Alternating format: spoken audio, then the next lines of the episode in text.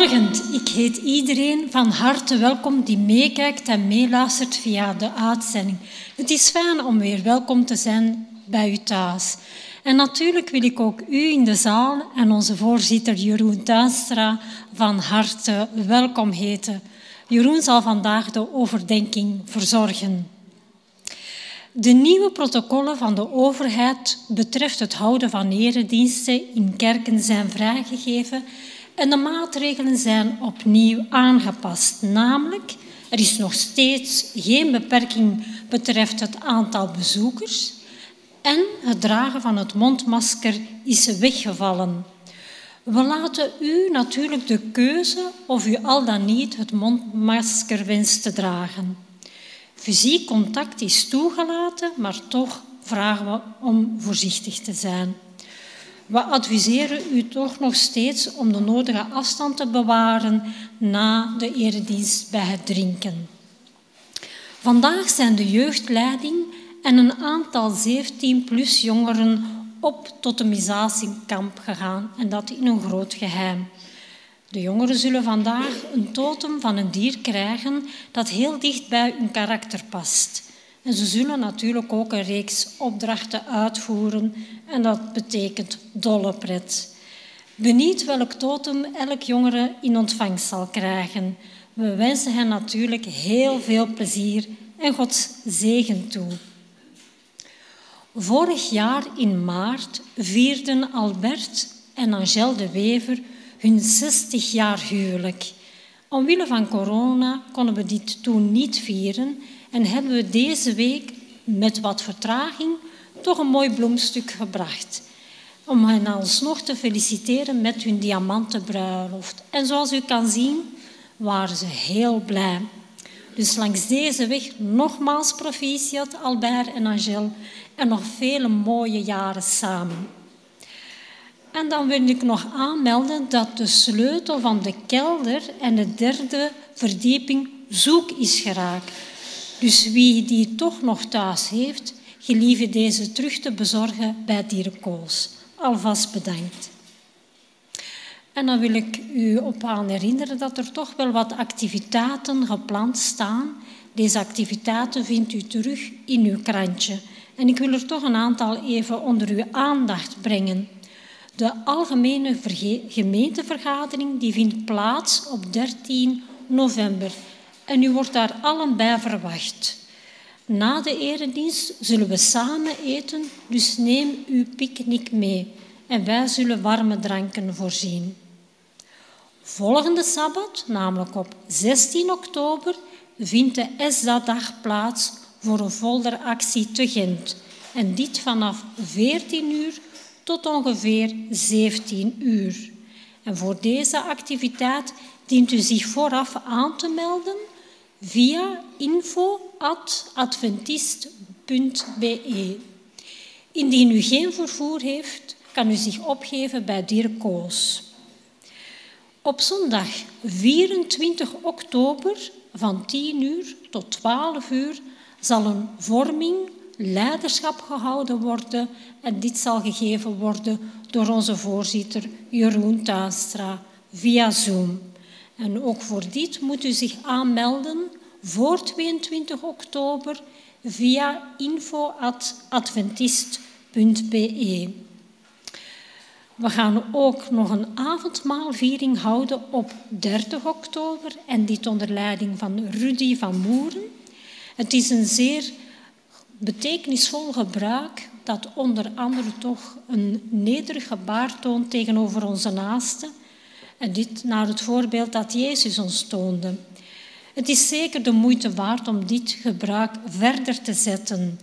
En dan wil ik u toch op voorbereiden dat u dan zich kan voorbereiden op deze avondmaalviering. Vorige sabbat hebben we u gemeld dat de vader van Christine Jochems, Jean, ernstig ziek was. En helaas moeten we u melden dat Jean afgelopen maandag is overleden. We wensen de ganse familie langs deze weg heel veel sterkte toe en Gods nabijheid. Dan wil ik u alvast een hele fijne Sabbat toewensen.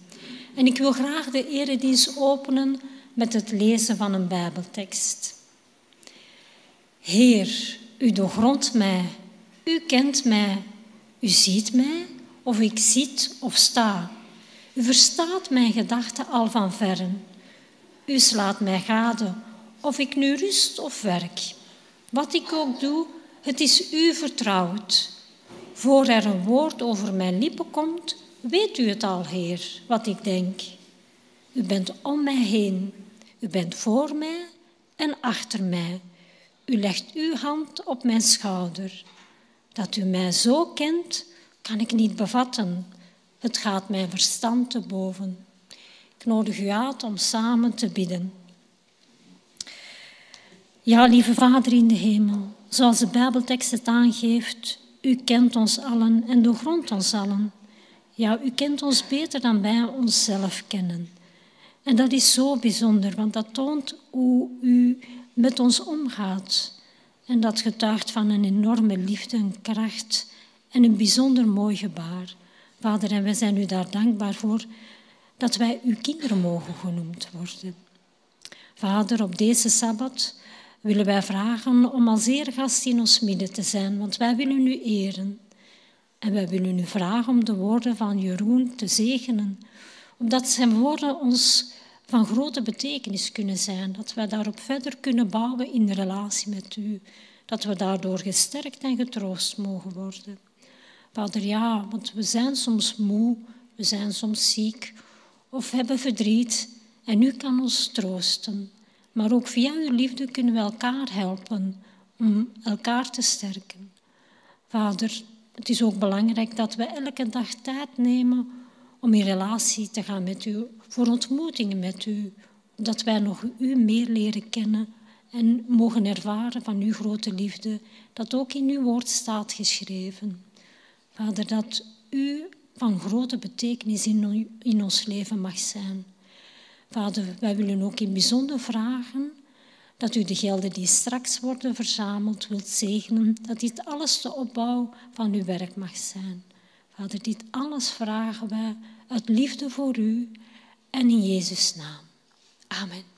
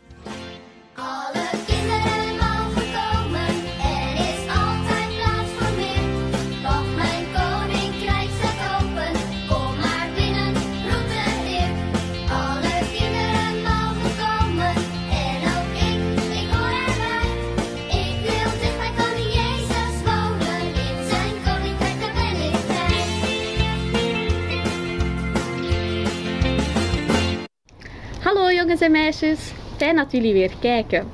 Jullie zullen jullie waarschijnlijk afvragen wat ik hier buiten in het donker bij een tent en een vuurkorf aan het doen ben. Wel, het heeft allemaal te maken met het verhaal dat ik jullie wil vertellen vandaag. Het verhaal van Abraham. Misschien begint er bij sommigen onder jullie al een lichtje te branden. En bij wie niet? Helemaal niet erg. Jullie ontdekken het zo meteen. Zet jullie allemaal gezellig in de zetel, misschien ook met een dekentje, net zoals mij. Zijn jullie klaar voor het verhaal? Oké, reis dan samen met mij mee naar een hele tijd terug. Toen Terach, de vader van Abraham, niet meer in de stad Ur wilde blijven wonen. Hij wil in het land Canaan gaan wonen. En daarom gaat hij verhuizen. Abraham en zijn vrouw Sarai gaan met hem mee. En Abrahams neef Lot verhuist ook mee. Sarai en Abraham nemen veel spullen mee op reis. Tenten om in te wonen, kleden om op te zitten, potten en pannen om eten in te maken, kruiken voor water en nog vele meer. Gelukkig moeten ze die spullen allemaal niet zelf dragen. Daar hebben ze kamelen en ezels voor. Onderweg stoppen ze in de stad Sharan. Daar moeten ze de knechten alles weer laten uitpakken en de tenten opzetten. Gelukkig helpt iedereen mee. S'avonds zitten de mensen in een kring op de grond.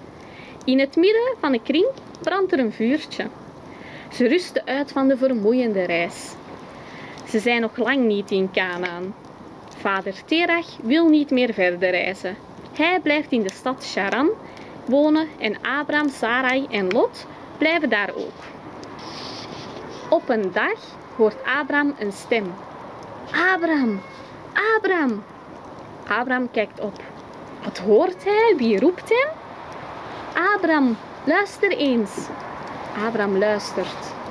God spreekt tegen hem en zegt: Abraham, jij moet in een ander land gaan wonen. Zeg dat tegen je vrouw Sarai. Vertel het aan al je knechten.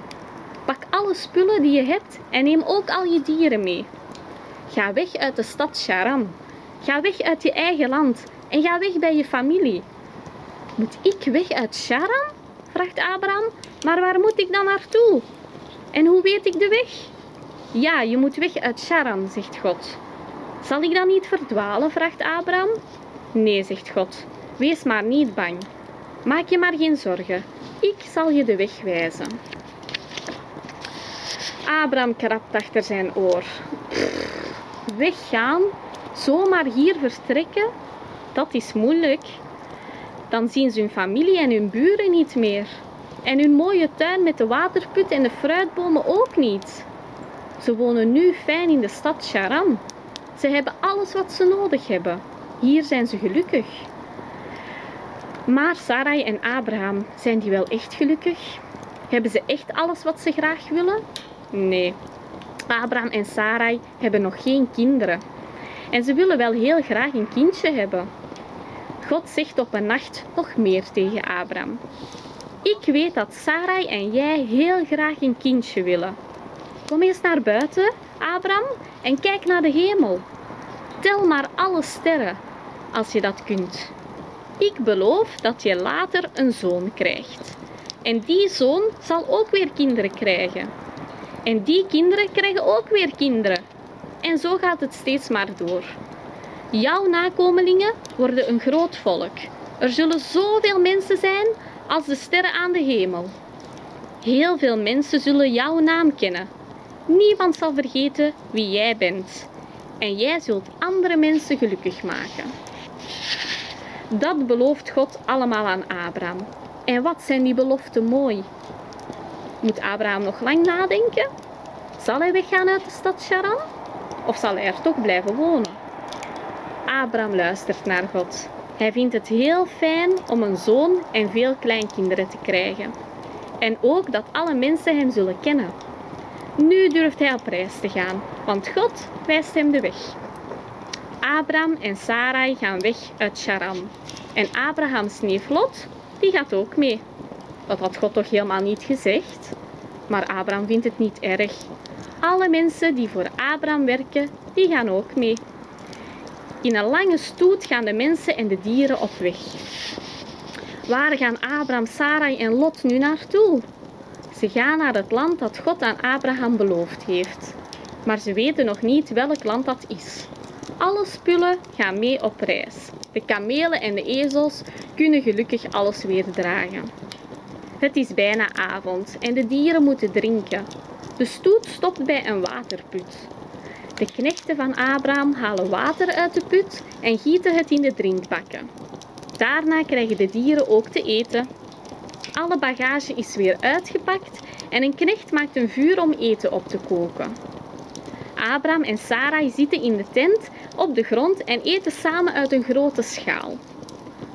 dat was een lange reis vandaag, zegt Sarai en ze geeft een beetje. Laten we maar gaan slapen. Elke dag reist de stoet verder. Abraham, Sarai en Lot hebben al meer dan 800 kilometer gereisd. Dat is van hier tot bijna in het zuiden van Frankrijk. Amai. Maar ze zijn er nu eindelijk bijna. Dan komen ze aan in het land Canaan. Bij de stad Sichem zegt God tegen Abraham: Kijk, Abraham, dit land zal ik later aan jouw kinderen en hun kinderen geven.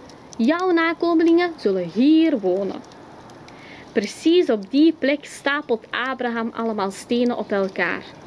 Een stapel stenen voor God. Zo kan iedereen zien dat dit land van God is. Later zal God dit land aan de nakomelingen van Abraham geven. Dat maakt Abraham blij. Hij zegt tegen God: Dank u wel dat u ons dit mooie land laat zien. Abraham, Sarai en Lot reizen weer verder. Ze gaan naar de bergen bij de stad Betel. Daar zetten ze de tenten opnieuw op. En Abraham bouwt weer een stapel stenen, een altaar voor God. Abraham reist van de ene plaats naar de andere. Hij zoekt er naar groen gras en schoon water voor hun dieren. God zorgt goed voor Abraham, Sarai en Lot. En ook voor de mensen die voor Abraham werken. Wauw, wat een avontuur zeg. Begrijpen jullie nu waarom ik hier buiten in het donker ben? Ik vind het geweldig om naar de sterren te kunnen kijken en dan terug te denken aan de belofte die God voor Abraham had. Mooi toch? Als het straks donker is, kunnen jullie misschien aan mama en papa vragen om ook eens naar buiten te gaan, om naar de sterren te kunnen kijken. Het moet wel goed weer zijn, want als het slecht weer is, dan ga je de sterren niet kunnen zien. Dan verstoppen ze hun liever achter de wolken. En wie weet, kunnen jullie misschien ook wel in een tent slapen vannacht, net zoals Abraham. En dat ga ik vannacht ook doen. Zo jongens en meisjes, maak er nog een hele fijne sabbatdag van en tot een volgende keer. Dag!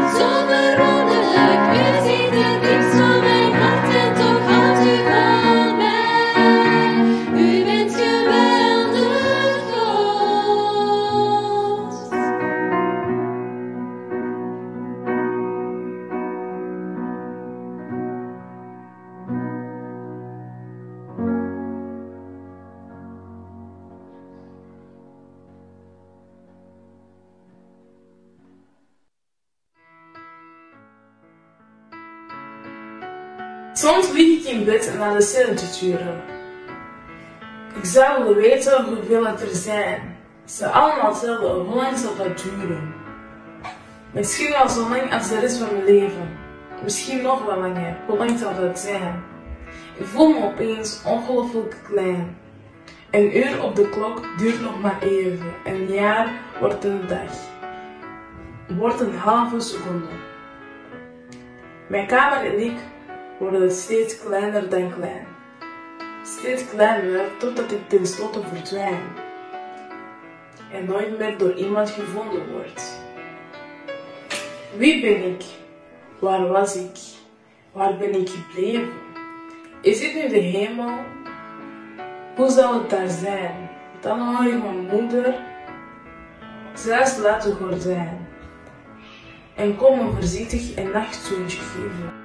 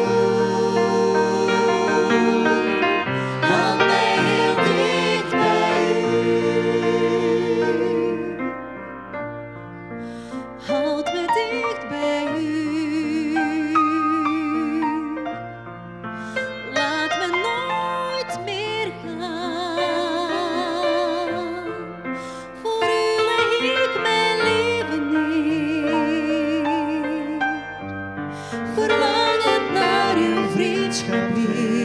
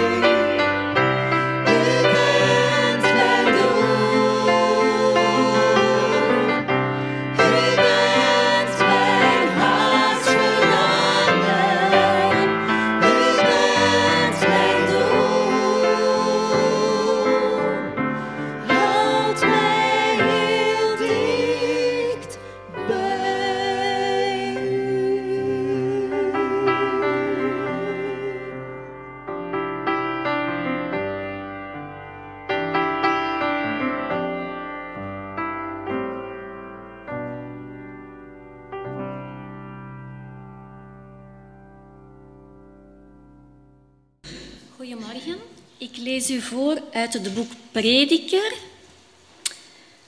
Prediker hoofdstuk 3, de versen 1 tot en met 8. Prediker 3, de versen 1 tot en met 8. Voor alles wat gebeurt is er een uur. Een tijd voor alles wat er is onder de hemel. Er is een tijd om te baren en een tijd om te sterven. Een tijd om te planten en een tijd om te rooien. Er is een tijd om te doden en een tijd om te helen. Een tijd om af te breken en een tijd om te bouwen. Er is een tijd om te huilen en een tijd om te lachen.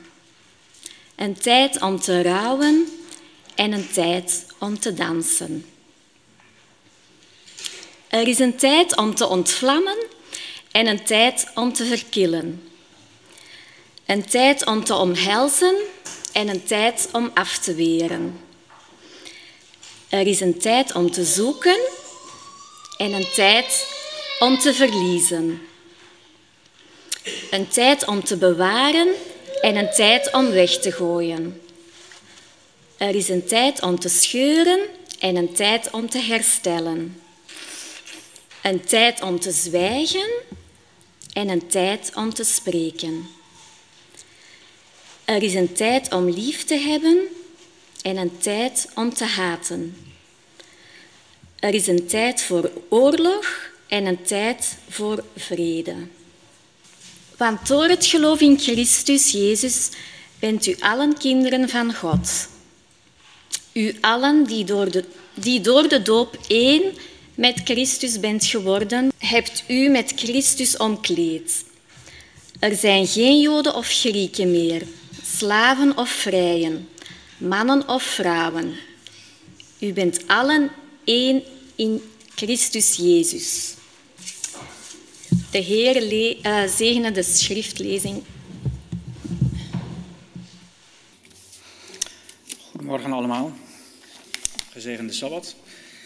Goed om te zien dat de, de zaal ook zo, uh, zo vol zit. Um, en het is denk ik voor iedereen ook een beetje wennen. Het in ieder geval voor mij is het ook een beetje wennen. Um, de regels zijn nu zo versoepeld dat u geen maskers meer nodig heeft. Afstand hoeft niet meer bewaard te worden. Voorzichtigheid moet nog getracht worden. Maar het is wel wennen. Hè? Anderhalf jaar zo zonder masker. Het was ook wel soms handig om een masker voor te hebben. Oké, laten we het daarmee bij laten. Ik heb twee, uh, twee teksten gekozen. Eén heeft u al een keer eerder gehoord. Als u opmerkzaam was, het is dezelfde schriftlezing als die ik de vorige keer heb laten voorlezen.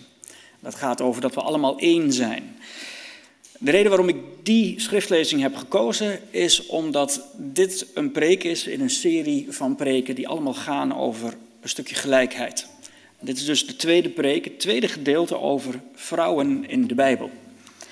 En dat eerste gedeelte, of die eerste schriftlezing, gaat over dat er een plek of een tijd is voor alles wat er in het leven gebeurt.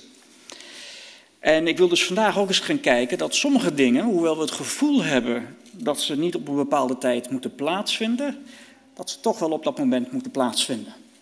Goed, we komen er wel bij. Door alle omstandigheden eigenlijk met de pandemie en alles wat er is gebeurd, uh, hadden we het zomaar langs ons heen kunnen gaan. Vorig jaar hebben we, of vorig jaar, dit jaar, hebben we het 100-jarig bestaan van de Belgisch-Luxemburgse Federatie gevierd.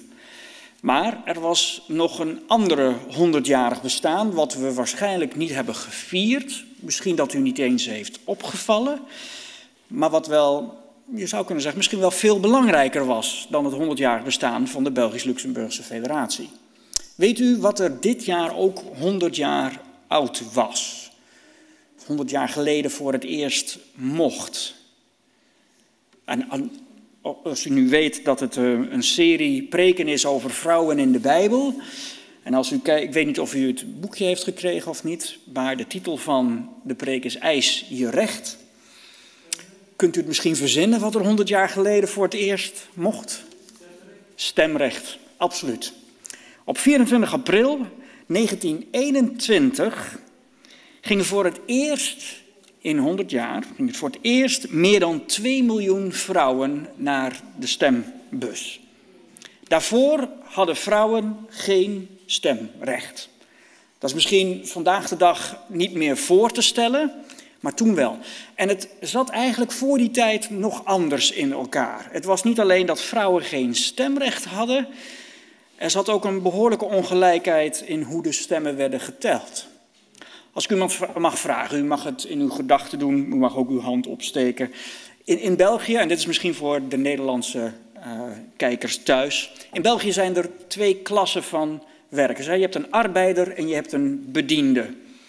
Mag ik van u weten, als u durft aan te geven, wie is hier een arbeider? Mag u uw handen zien? Aan. Oké. U heeft één stem. Oké. Als u een stem uitbrengt, dan telt uw stem eenmaal. Mijn tweede vraag aan alle anderen: wie, wie zijn er hier of waren er hier bedienden met een universitaire opleiding? Mag ik daar de handen van zien? Eén, twee. Uw stem telt twee keer mee. Oké, dus als u een stem uitbrengt, dan telt uw stem tweemaal. Jammer voor de arbeider, maar zo is het nog één keer. En dan nog een, een laatste stem. Wie van u heeft een eigen huis? Ga nog voorzichtig wat handen de lucht in. Kijk eens aan. U heeft drie stemmen. Oké? Dus als u een arbeider bent, had u één stem.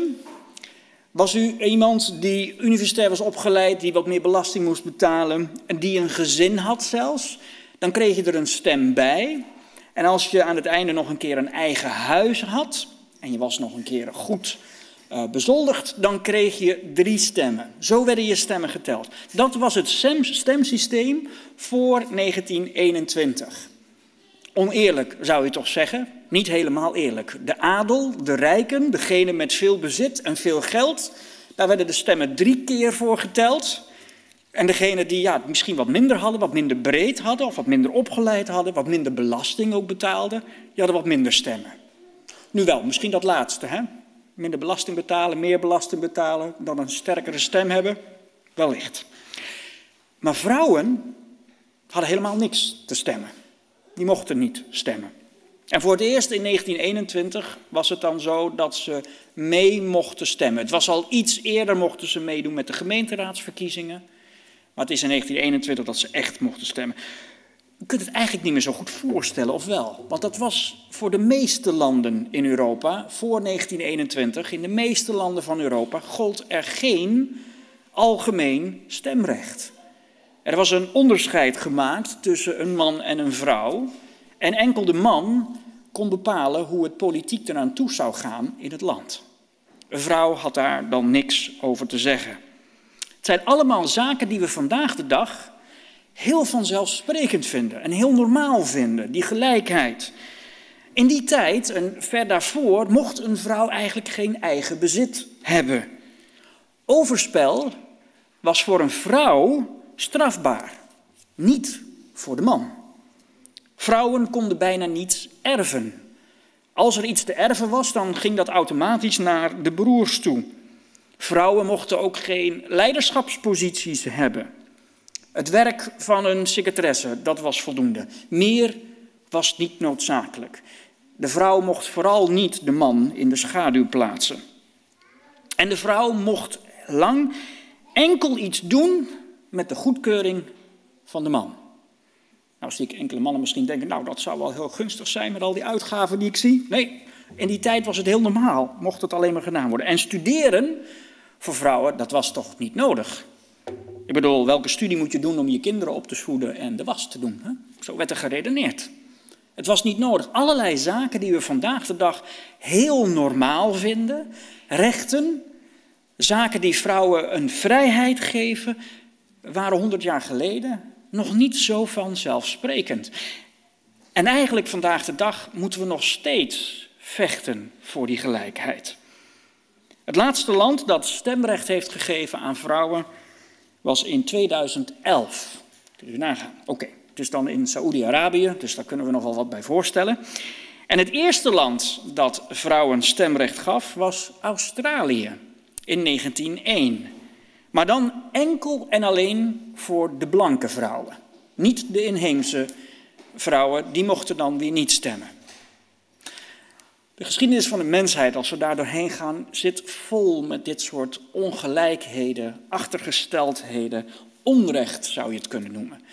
Dingen waarbij bepaalde mensen om uiterlijke heden of om bepaalde situaties, dat ze achter worden gesteld. Dat ze niet mee mogen doen, dat ze geen stem hebben en dat ze geen rechten hebben. En onze menselijke geschiedenis zit daar compleet en helemaal vol mee. En vandaag wil ik eens kijken naar het recht van vrouwen. En dat gevecht voor dat vrouwen, de andere helft van de samenleving zou je kunnen zeggen, net zoveel rechten zouden mogen hebben als mannen. En dat is een gevecht geweest, een lang gevecht, een gevecht wat nog steeds doorgaat. Het is nog steeds zo dat het blijkt in banen, dat als een vrouw een gelijke baan heeft als een man, dat daar nog steeds een ongelijkheid in betaling tegenover staat. Een vrouw die zwanger wordt, wordt toch nog steeds anders behandeld in het werk en heeft moeilijk, grotere moeilijkheden op het werk en kan zelfs haar baan nog steeds verliezen daarover, hoewel het al niet meer wettelijk mag. En dit gevecht, interessant genoeg, kom je ook in de Bijbel tegen. Dit gevecht voor de recht van vrouwen. Nu moet ik wel heel eerlijk bekennen dat de Bijbel nou niet uitgesproken woord is voor gelijkbehandeling van vrouwen en mannen. Als we naar het Oude Testament lezen, en dat zal meeste van de vrouwelijke aanwezigen hier toch ook wel moeten bekennen, als ze soms door de oud-testamentische verhalen heen lezen, dan zien we toch wel heel veel verhalen waarbij we denken, ja, maar hier worden vrouwen toch niet eerlijk behandeld, worden een beetje gebruikt of worden gezien als een gebruiksvoorwerp. En toch, ik wil vandaag een verhaal bekijken dat uh, in Israël gebeurt, of eigenlijk nog niet in Israël, ze hebben het land nog niet ingenomen. Het is op een keerpunt in de geschiedenis van Israël, waar plotseling vrouwenrechten of het recht van vrouwen besproken wordt en zelfs vastgelegd wordt in de wet. Er is een tijd voor alles, maar je zou denken op het moment dat dit gaat plaatsvinden, dat dat nou niet het meest uitgesproken moment zou moeten zijn geweest. En toch gebeurt het. Het is een keerpunt in de geschiedenis van Israël. Ze bevinden zich op de rand van het beloofde land.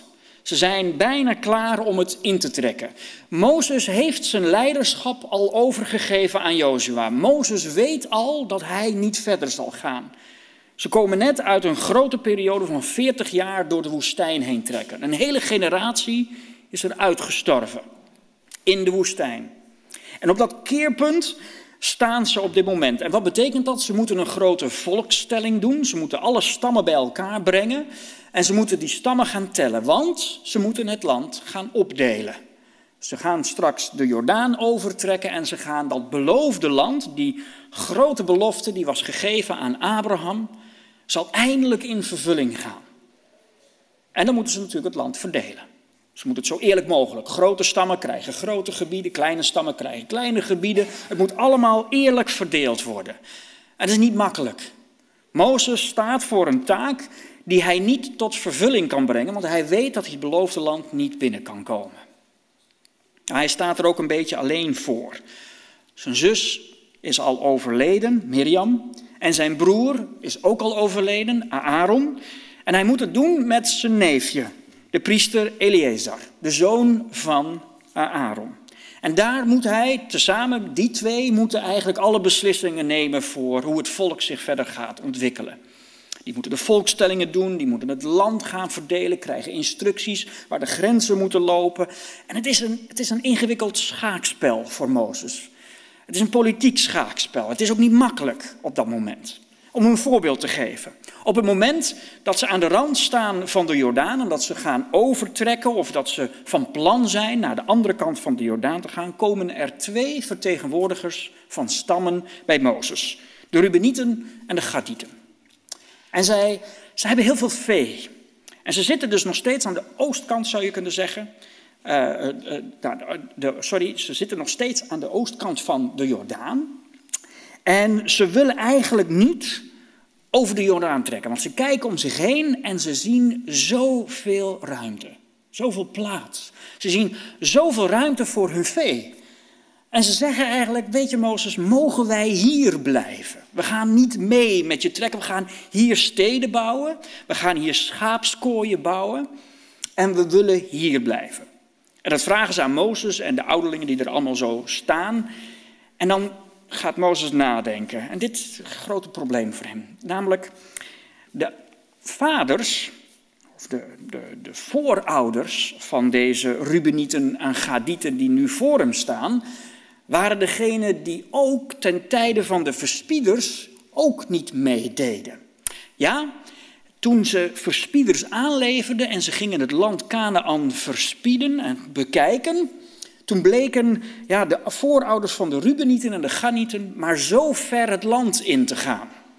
Ze wilden niet zo ver het land intrekken om te zien of het wel goed in te nemen was, of het wel goed te veroveren was. Ze gingen maar zo ver en ze ontmoedigden eigenlijk alle andere verspieders om hen heen om ook verder te gaan. Ze zeiden, ja, als die twee niet meegaan, ja, dan weet ik ook niet of ik wel verder wil, staan we er alleen voor. En Mozes dacht, ja, nu krijgen we verdorie weer precies hetzelfde. De afstammelingen van deze twee staan nu voor mij. En die willen ook het land niet intrekken. Ik begrijp heel goed, ze hebben veel vee, ze hebben, ze hebben veel ruimte nodig. En aan de ene kant heeft het voordelen, denkt Mozes. Het betekent dat twee stammen geen land hoeven te hebben aan de overkant van de Jordaan. Er is meer ruimte voor de andere stammen. Maar hij heeft wel zoiets van, ja, maar wat voor een signaal geeft dat nu af? Als jullie hier blijven, dan ontmoedigt dat de rest van de stammen weer. Precies hetzelfde wat jullie voorouders hebben gedaan. Dus ja, meer ruimte aan de overkant. Jullie hier blijven. Ja, wat is politiek slim? Wat is handig om dat moment te doen? Ze staan op de rand om dat land in te nemen. Uiteindelijk, en dat staat er heel mooi beschreven in nummer 32, vers 16 dan je moet je dat ook een beetje voorstellen. In de oud-testamentische verhalen moet je een beetje een beeld maken in je hoofd. En hier zie je dan die vertegenwoordigers van die twee stammen. En daar zie je dan alle leiders van de rest van de stammen zie je dan staan. En Mozes en, dan uh, Eleazar. En dan komen die twee naar voren en dan wordt er heel duidelijk in het openbaar gezegd van dit kunnen we niet doen. Jullie zijn verraders. Als je dit doen ontmoedig je elk ander stamlid. Dit is niet, niet goed. En dan stappen die twee mensen twee vertegenwoordigers naar voren en dan wordt er gezegd, maar zij antwoorden dichterbij komend, alsof ze wilden zeggen, e-, even niet zo hard schreeuwen, dit moeten we even onderling bespreken. En dan gaan ze een, een deal sluiten, een schaakzet zou je kunnen zeggen. We willen hier schaapskooien bouwen voor ons vee en steden voor onze kinderen om ze veilig te houden. Dan kunnen onze kinderen in de vestigingsteden wonen, veilig voor de inwoners van het land. En dan zullen wij zelf ons wapenen en voor de andere Israëlieten uittrekken, totdat we hen op de plaats van hun bestemming hebben gebracht. Wij gaan niet naar huis voordat ieder van de Israëlieten een eigen stuk grond heeft gekregen. Maar als wij ten oosten van de Jordaan ons deel krijgen, hoeven wij niet, net als zij, grond te hebben aan de overkant van de Jordaan en nog verder weg. Dus wat ze hier zeggen is wij gaan in steden wonen, we willen hier blijven, we willen ten oosten van de Jordaan blijven. We gaan niet de Jordaan overtrekken, geeft meer ruimte voor de anderen en we beloven je. We gaan met je mee, we bouwen hier de steden, we gaan ons bewapenen en we worden een escorte voor de rest van alle Israëlitische stammen. En we gaan niet naar huis totdat ieder zijn deel heeft gehad. Wat zou u doen? U bent Mozes. U weet, als ze niet meegaan, het kan een ontmoediging zijn, maar ze beloven dat ze toch meegaan. Maar let wel, hun voorouders hebben ook heel veel beloofd, ze hebben het ook niet gedaan. Wat doe je hier? Dit is het schaakspel wat Mozes hier moet spelen. Dit is het schaakspel waar hij iedere keer moet nadenken: oké, wat is hier handig, wat is hier makkelijk? En het is ook iedere keer weer een verzoek erbij. Wat zou je doen? Mozes besluit uiteindelijk dat ze dit mogen doen. Hij weegt het allemaal af. Hij denkt, oké, hij zegt, als jullie beloven dat jullie meegaan en als je belooft dat je echt een leger stuurt en dat je niet teruggaat naar je steden totdat wij allemaal het land in bezit hebben, dan mag je hier vestigen. Een win-win situatie voor Mozes. Dit is de druk, dit is de tijd waar ze in leven, dit is de, dit is de problematiek, dit is de politiek waar ze op dit moment in leven. Die druk. Ze staan op de rand, gaan alle volken mee, willen ze allemaal mee, krijgen ze allemaal wel genoeg grond? Uh, zullen ze wel genoeg grond hebben? Gaan ze niet lopen klagen? Wij hebben een slecht stukje land gekregen, we willen het ruilen met die. En u kunt het zich wel voorstellen wat voor een spanning en druk er staat op Mozes, maar ook op de leiders van Israël. Dit is een keerpunt in de tijd van Israël. Hoe het nu gaat handelen zal bepalend zijn.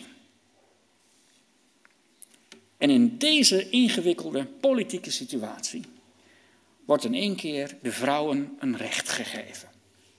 Want wat is er gebeurd? Op een dag, en dit is in, uh, in, een, in een ander hoofdstuk, in nummer 27, het is al eerder gebeurd. Op een dag komen de dochters van Selofgat naar Mozes toe. Ik wil een stukje met u lezen. In nummer 27, vers 1 tot en met 11. Het is het verhaal van de dochters van Selofgat. De dochters van Selofgat, die tot een geslacht behoorden van Jozef, uh, van Jozefs zoon Manasse afstamden. Selofgat was een zoon van Sefer, de zoon van Gilead, de zoon van Magir, de zoon van Manasse. Stoppen hier even. U zult het heel vaak tegenkomen. In het Oude Testament worden er heel vaak ja, van, die, van die stambomen uh, verteld. En ik begrijp het heel goed, ik doe precies hetzelfde. Als ik een stamboom tegenkom, ja, ja, ja, ja, naam, naam, naam, heel goed, bla, bla, bla. Kijken waar het verhaal zich weer even oppakt. Het zijn allemaal namen die soms niet meer uit te spreken zijn, zijn ook bijna niet te onthouden. Maar in dit geval wil ik u toch vragen. Onthoud u toch eens even goed de naam, de stam die hier wordt genoemd. Dus er wordt hier gezegd dat het is, zijn de dochters van Zelofgat. Oké, onthoud die naam. Dat is ook geen makkelijke naam om te onthouden. En dan, dat schijnt dus iemand te zijn die behoorde tot het geslacht van Jozefs zoon Manasse. Dit is dus van de stam Manasse.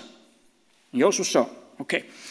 Okay. was dus een zoon van Sefer. Die was dan weer de zoon van Gilead.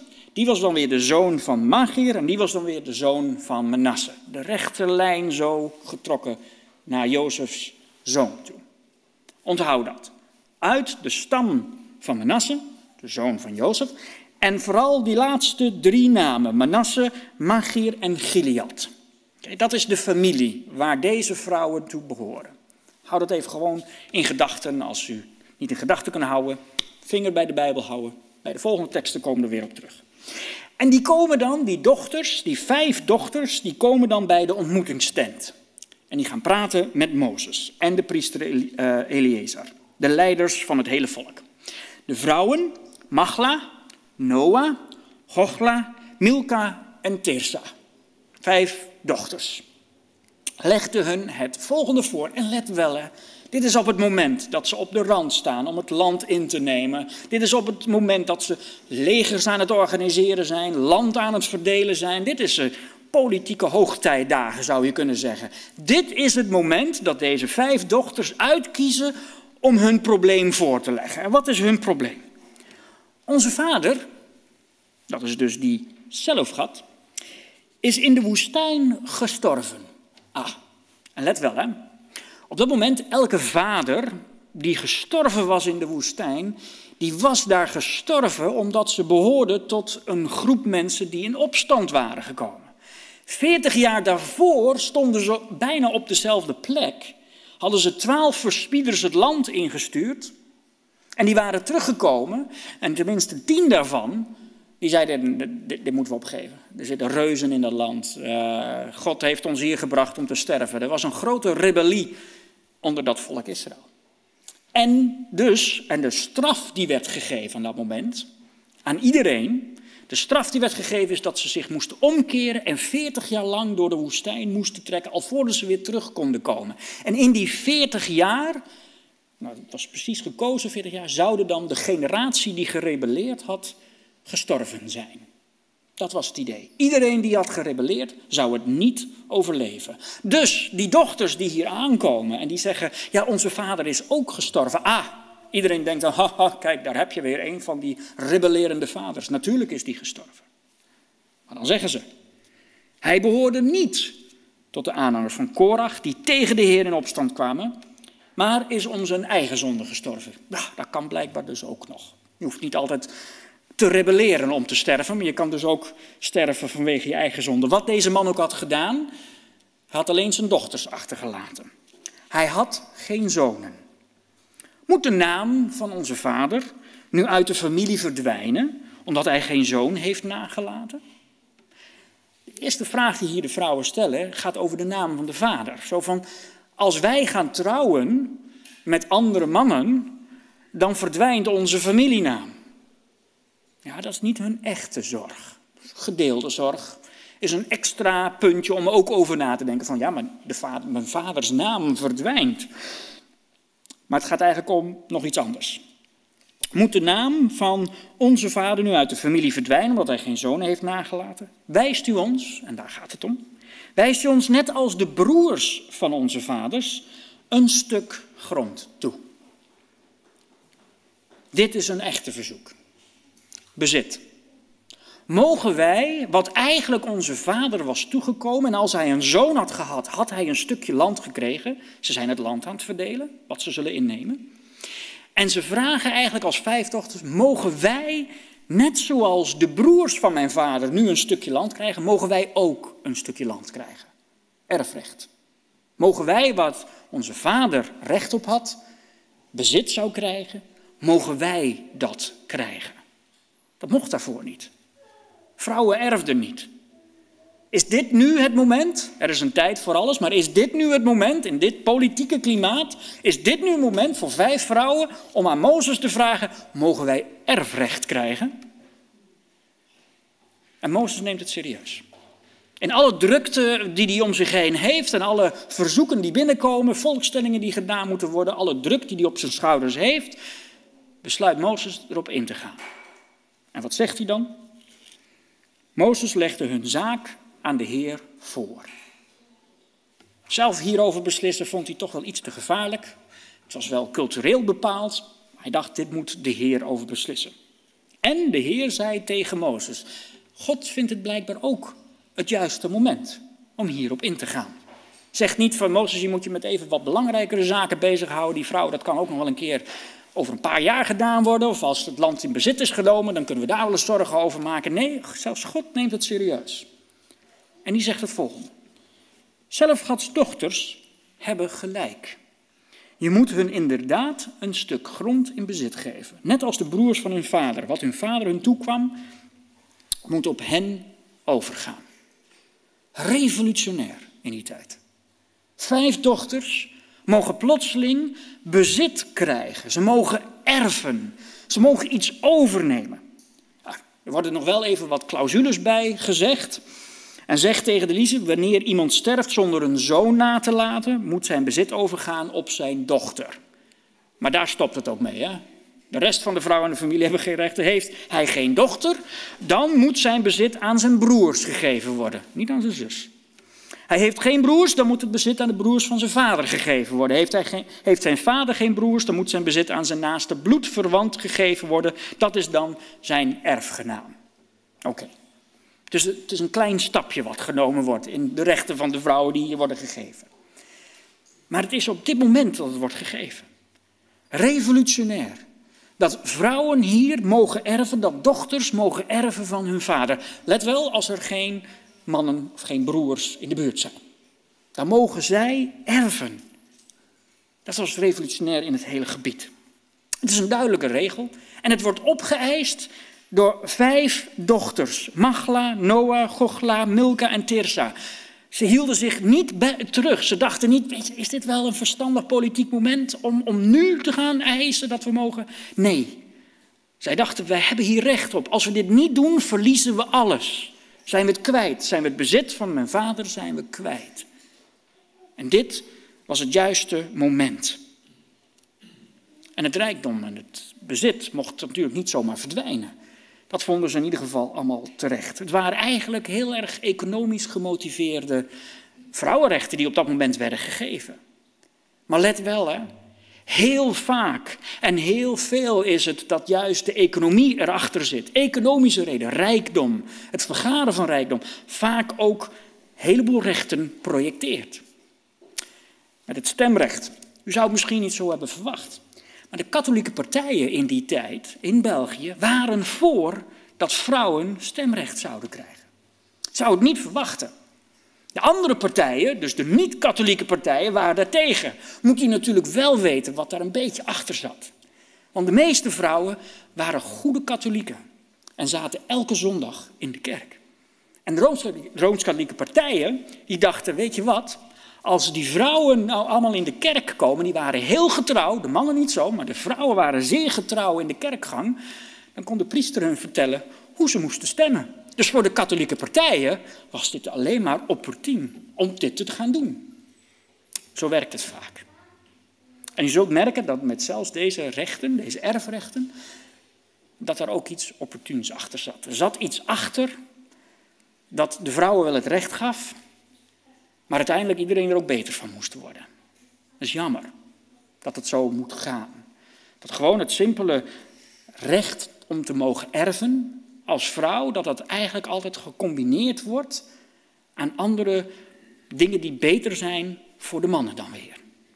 En dat komt ook naar buiten. Want op een gegeven moment komt er toch wel een praktisch probleem om de hoek. En dit is nog dichter bij het moment dat ze die Jordaan gaan oversteken. Dit is namelijk in het laatste hoofdstuk van Numeri. Komt er in één keer een probleem naar boven. En komt in één keer een probleem en ze staan echt op het randje om nu verder te gaan trekken. Of in ieder geval het land te gaan innemen. En dan komt er een groep mensen naar voren. En daarom moest u even onthouden waar deze dochters van afstamden. Als we gaan naar nummer 36, dan komen er in één keer afstammelingen van een bepaalde stam naar Mozes toe met een praktisch probleem. De familiehoofden van het geslacht dat afstamde van Gilead, de zoon van Magier, de zoon van Menasse, een van de geslachten die van Jozef afstamden, kwamen naar Mozes en legden hem en de leiders en de familiehoofden van de Israëlieten het volgende voor. Wie komen er hier naar Mozes toe? Het is niet zomaar een willekeurige stam die even naar voren stapt.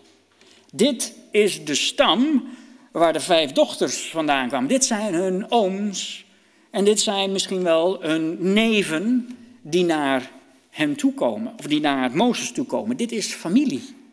Dit is niet zomaar een willekeurig andere stam die dacht, goh, we hebben nou een ander fictief probleem. Nee, hier zijn vijf vrouwen uit een bepaalde stam, die hebben eindelijk een recht gekregen. En dan in diezelfde stam gaan de ooms, de opa's, die gaan een probleem voorleggen. Een fictief probleem, maar voor hun een concreet probleem. Want wat is het volgende? De Heer heeft u geboden, zo beginnen ze. Het is, een, het is een gebod van, en het is maar goed ook, dat het een gebod van God is. Want als Mozes deze beslissing had genomen, ze kunnen zeggen, ja, je hebt wel die beslissing genomen, maar draai hem maar weer om, want het komt niet zo goed uit. Maar ze weten heel goed dat God dit, deze regel heeft gegeven, dus daar kunnen ze niet onderuit komen. Dat erfrecht is verankerd. Het staat vast, kan niet teruggedraaid worden. De Heer heeft u geboden. Heer, om het land door middel van loting onder de Israëlieten te verdelen en om wat onze stamgenoot zelf gehad had, Koekwam, aan zijn dochters te geven. Dat verdelen van het land hebben ze niet zo'n probleem mee. Maar dat geven aan die dochters. Maar stel nu, stel nu, hè, dit is dus niet, dit is nog niet werkelijkheid, dit is, dit is vooruitgedacht de mannen in de familie gaan nadenken. Wat, wat heeft dit voor consequenties als, als vrouwen plotseling bezit mogen krijgen? Wat, wat gaat er gebeuren? En die gaan nadenken. Doemscenario wordt er gedacht. Maar stel nu dat zij trouwen met een Israëliet uit een andere stam. Let wel hè, een Israëliet uit een andere stam. Het gaat nog niet eens over een heel ander volk. Het gaat over iemand binnen hun eigen volk, maar van een andere stam. Stel nu dat ze daarmee trouwen dan zou hun eigendom, wat ze in bezit hadden gekregen, onttrokken worden aan bezit van onze voorouders en toegevoegd worden aan het bezit van de stam waartoe zij zouden behoren. We zouden geld verliezen, rijkdom verliezen, het land dat zij geërfd hebben. Ze gaan trouwen met iemand buiten een andere stam en waar gaat die rijkdom dan heen? Ja, dat wordt bezit van hun man. En dan zijn wij het kwijt. Daar ging het dan om. Wij zijn het kwijt. En er wordt er nog even bij het zou worden afgenomen van dat wat ons door loting toegewezen is. Wat wij in de loterij hebben gevonden, wordt ons afgenomen. Oneerlijk, werd er bijna gezegd. En wanneer de Israëlieten dan een jubeljaar vieren, dan zou hun bezit voorgoed worden toegevoegd aan het bezit waartoe de stam ze dan zouden behoren. Jubeljaar. Het idee dat na 50 jaar je al je schulden kwijt zou zijn. Het is hoogstwaarschijnlijk nooit gevierd. Al je schulden zomaar kwijt zijn, het is een leuk idee op papier. Maar of het ook werkelijk in de geschiedenis ooit is gebeurd en of ze ook werkelijk die jaren zo hebben gevierd en ook werkelijk hun schulden hebben kwijtgescholden aan anderen, is maar zeer de vraag geweest. Maar hier wordt het ook even als argument gebracht. Als het dan gebeurt dat er een jubeljaar langskomt, dan zijn we het permanent kwijt. Kunnen we het nooit meer terugkrijgen. Het wordt aan onze stam ontrokken. Een probleem. Een heel economisch probleem. Een probleem van rijken. Een probleem dat ze land in bezit hebben wat ze kwijt zullen raken. En daar staat Mozes. Het is u moet het zich ook een beetje kunnen voorstellen. Deze man die probeert al die stammen naar de overkant te krijgen, heeft net een compromis gesloten met twee stammen, heeft het eindelijk allemaal een beetje onder controle en dan trekken ze aan een jasje weer en zeggen van, wacht, wacht even, stel, het is nog niet eens waar. Het is nog niet eens gebeurd. Stel, stel dat die vijf dochters waar je allemaal recht aan hebt gegeven, en we weten het komt van de Heer, maar stel dat zij trouwen met iemand anders buiten de stam, dan zijn wij ons land kwijt, Mozes. Regel dat even voordat we verder gaan. Zorg er even voor dat dat niet zal gaan gebeuren. Spreek even met die Heer en zie of hij er nog een ander iets mee kan doen. En inderdaad, Mozes legt het weer voor aan de Heer. En op bevel van de Heer deed Mozes toen deze uitspraak. Wie hebben er nu gelijk? Let wel, de vorige keer begon God ook heel mooi te zeggen: Silvats dochters hebben gelijk. Nu kom je tegen de nakomelingen van Jozef hebben gelijk. Allebei hadden ze gelijk. De dochters hadden gelijk dat ze recht hadden op het land. En nu hebben de nakomelingen van Jozef ook gelijk. Maar het zijn wel tegenstrijdigheden een beetje. Hoe gaat dit opgelost worden? Welk compromis zal er gevonden worden? De Heer heeft ten aanzien van Silgats dochters het volgende bepaald. Ze hadden net even iets meer rechten. En dan nu. Ze mogen trouwen met wie ze willen. Ach, gelukkig, denken de dochters. We mogen in ieder geval kiezen met wie we trouwen. Dat was al, dat was al een grote revolutionair idee. Dat je mocht trouwen met wie je wilde. Mits, oh daar komt het. Mits, iemand is, mits het iemand is uit een geslacht van een eigen stam. Ze mogen trouwen met iedereen, maar niet met die en niet met die, niet met die, maar, maar wel met die. Die, daar mogen ze mee trouwen. De oplossing was, nou oké, als dan de vrouwen door te trouwen met iemand buiten hun eigen stam hun bezit zouden kwijtraken, of de stam het bezit zou kwijtraken, nou, dan is de oplossing, dan moet je maar trouwen binnen je stam. Trouw dan maar met je familie. Dat was de oplossing. En dat heeft de Heer als het ware als oplossing aangegeven en het wordt dan ook verder getrokken. Dan wordt er ook de opdracht gegeven aan elke Israëliet dat dat zijn taak is. Want erfelijk bezit van de Israëlieten mag niet van de ene stam overgaan op de andere stam.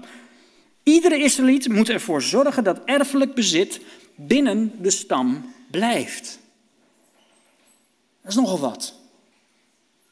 U mag alleen erven, maar het moet binnen uw familie blijven.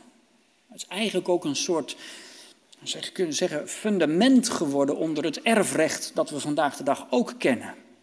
Dat het binnen je familie mag blijven. Alleen wij spreken niet meer over stammen, wij spreken over een familie. En die familie die wordt telkens kleiner gemaakt, zodat het bezit binnen je familie blijft.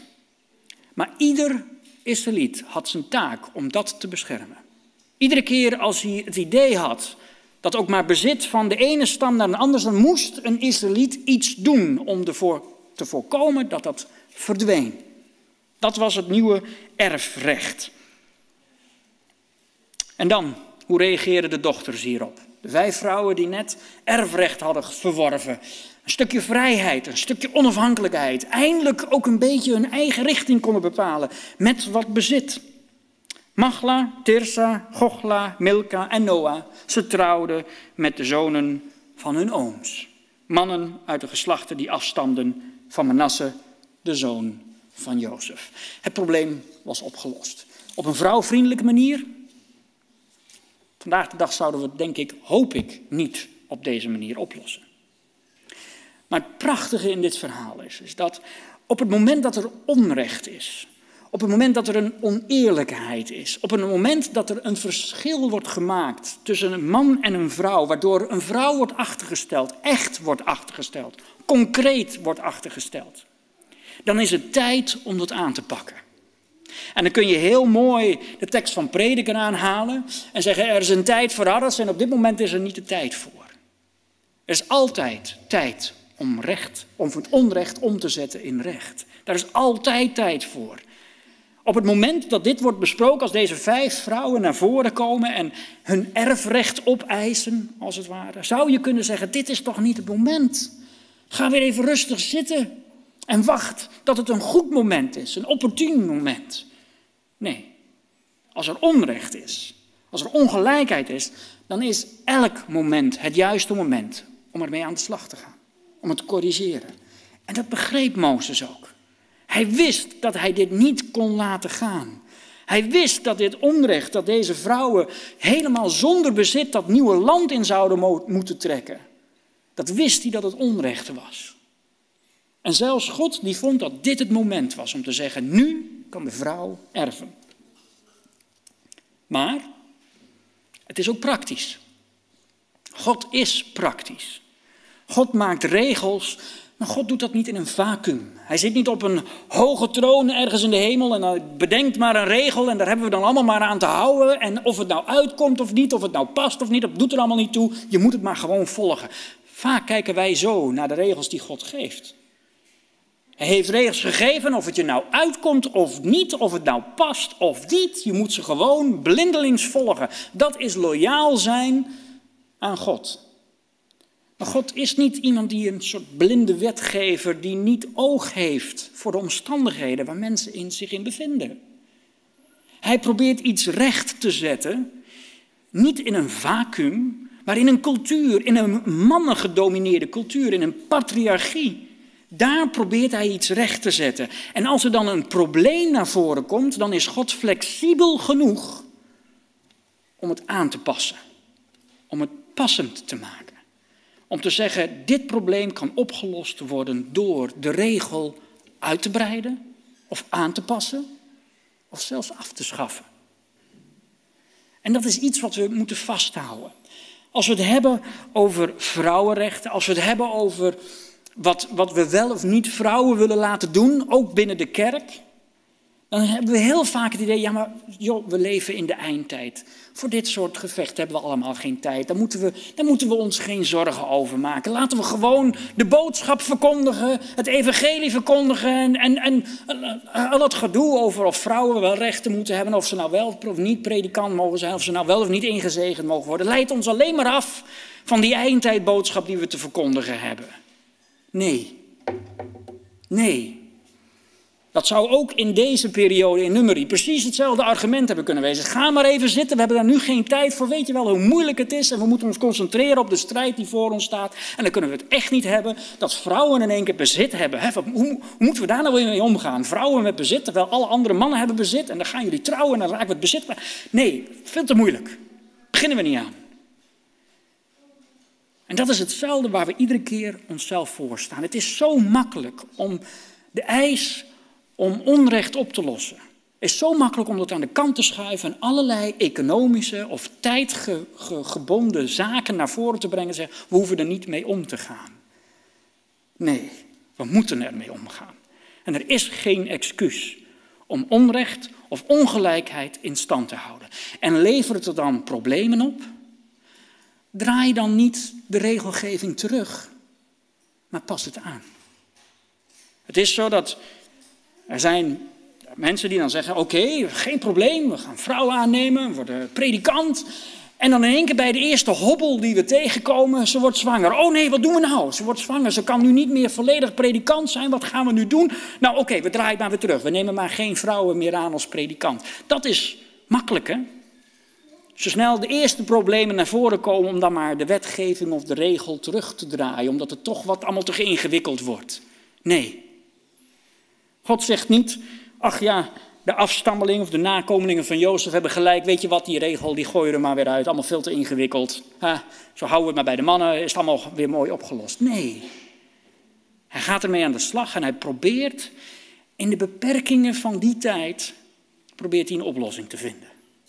Probeert hij het zo te doen dat dat erfrecht niet wordt teruggedraaid. Maar dat ze op een of andere manier toch kunnen blijven functioneren. En dat dat probleem van een, dat een stam zijn bezit zou verliezen, dat dat wordt opgelost. Hij luistert en God maakt een compromis hier.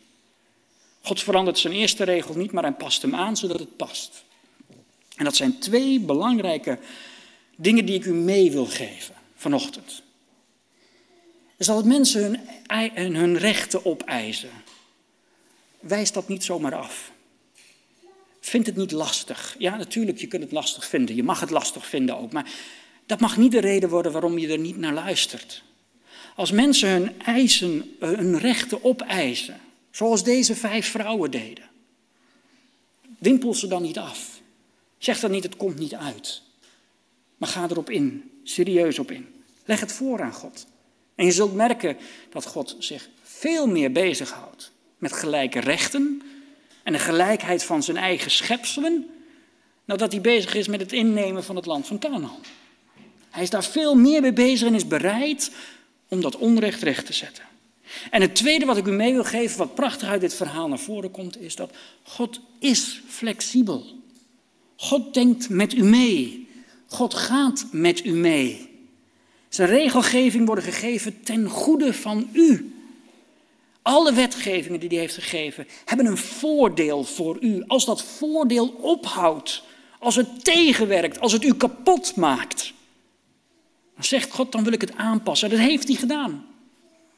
Als we kijken naar Deuteronomium, als we kijken naar Leviticus, zoveel wetgeving, zo gedetailleerd hoe ze moesten leven in Canaan, zo precies. En meer dan de helft, misschien wel 80% van die wetgeving, houden wij ons helemaal niet aan. Allemaal gegeven door God. Allemaal gezegd, zo zegt de Heer, dit moet je doen. En bijna 80%, 70% houden we ons niet aan, doen we niks mee. Ja, we houden ons aan spijswetten, we houden ons aan nog een paar andere wetten die we tegenkomen daarin. Maar een heleboel andere wetten houden we ons niet aan. Heeft u een opstandige zoon? Nou, officieel moet u die dan naar buiten brengen en dan gaan we met de ouderlingen een paar stenen oppakken, de tegels uit de, uit de, uit de grond halen en dan moeten we hem uh, doodgooien. Met, met, met tegels, we moeten hem stenigen. Dat, dat, is de wetgeving, doen we dat? Nee, ik ben blij dat we dat niet meer doen. Had ik geen broer meer gehad. Ik ben blij dat we die dingen achterlaten. Waarom? Past niet meer. Hoort niet in onze tijd thuis. God is ook verder gegaan. En het is een principe om dat heel goed vast te houden. Want mensen zeggen dan, ja, maar God verandert toch nooit? Nee, God verandert ook nooit. In zijn liefde voor ons verandert hij nooit. Hij houdt altijd van zijn mensen. Zijn hart is zo groot dat hij altijd met ons verder wil. Daar verandert hij niet. Daar, komt hij niet op terug. En beloftes die hij maakt, komt hij niet op terug.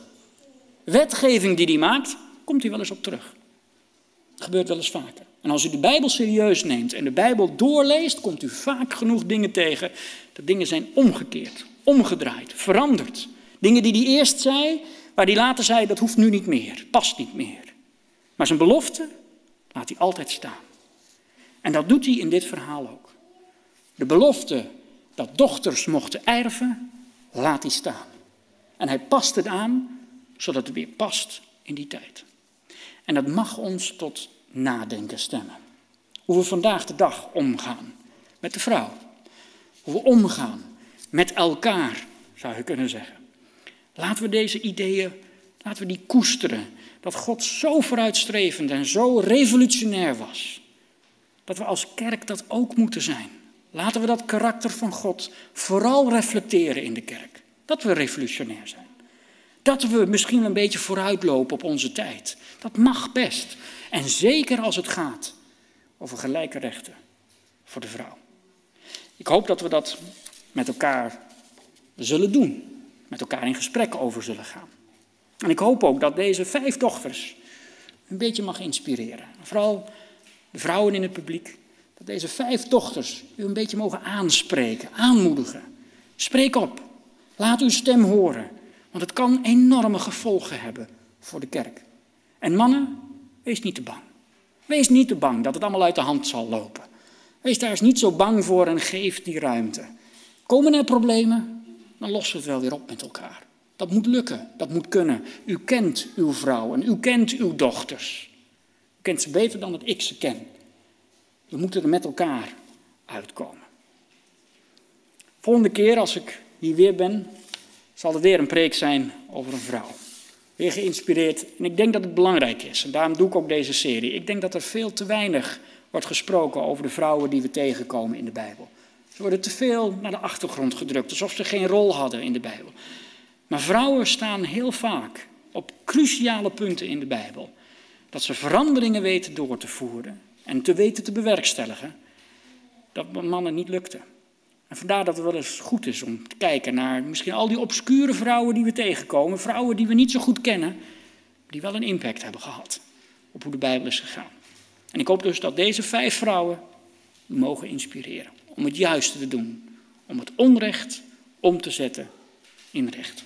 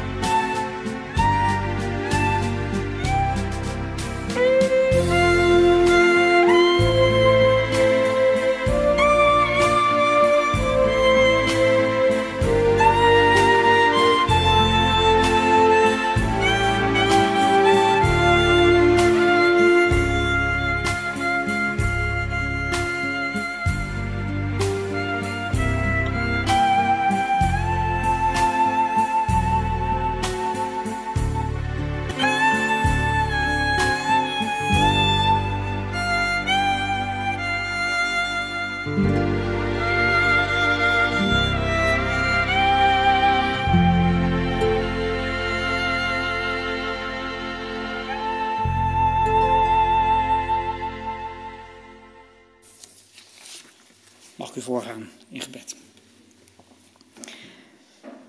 Liefdevolle Hemelse Vader, we komen voor u.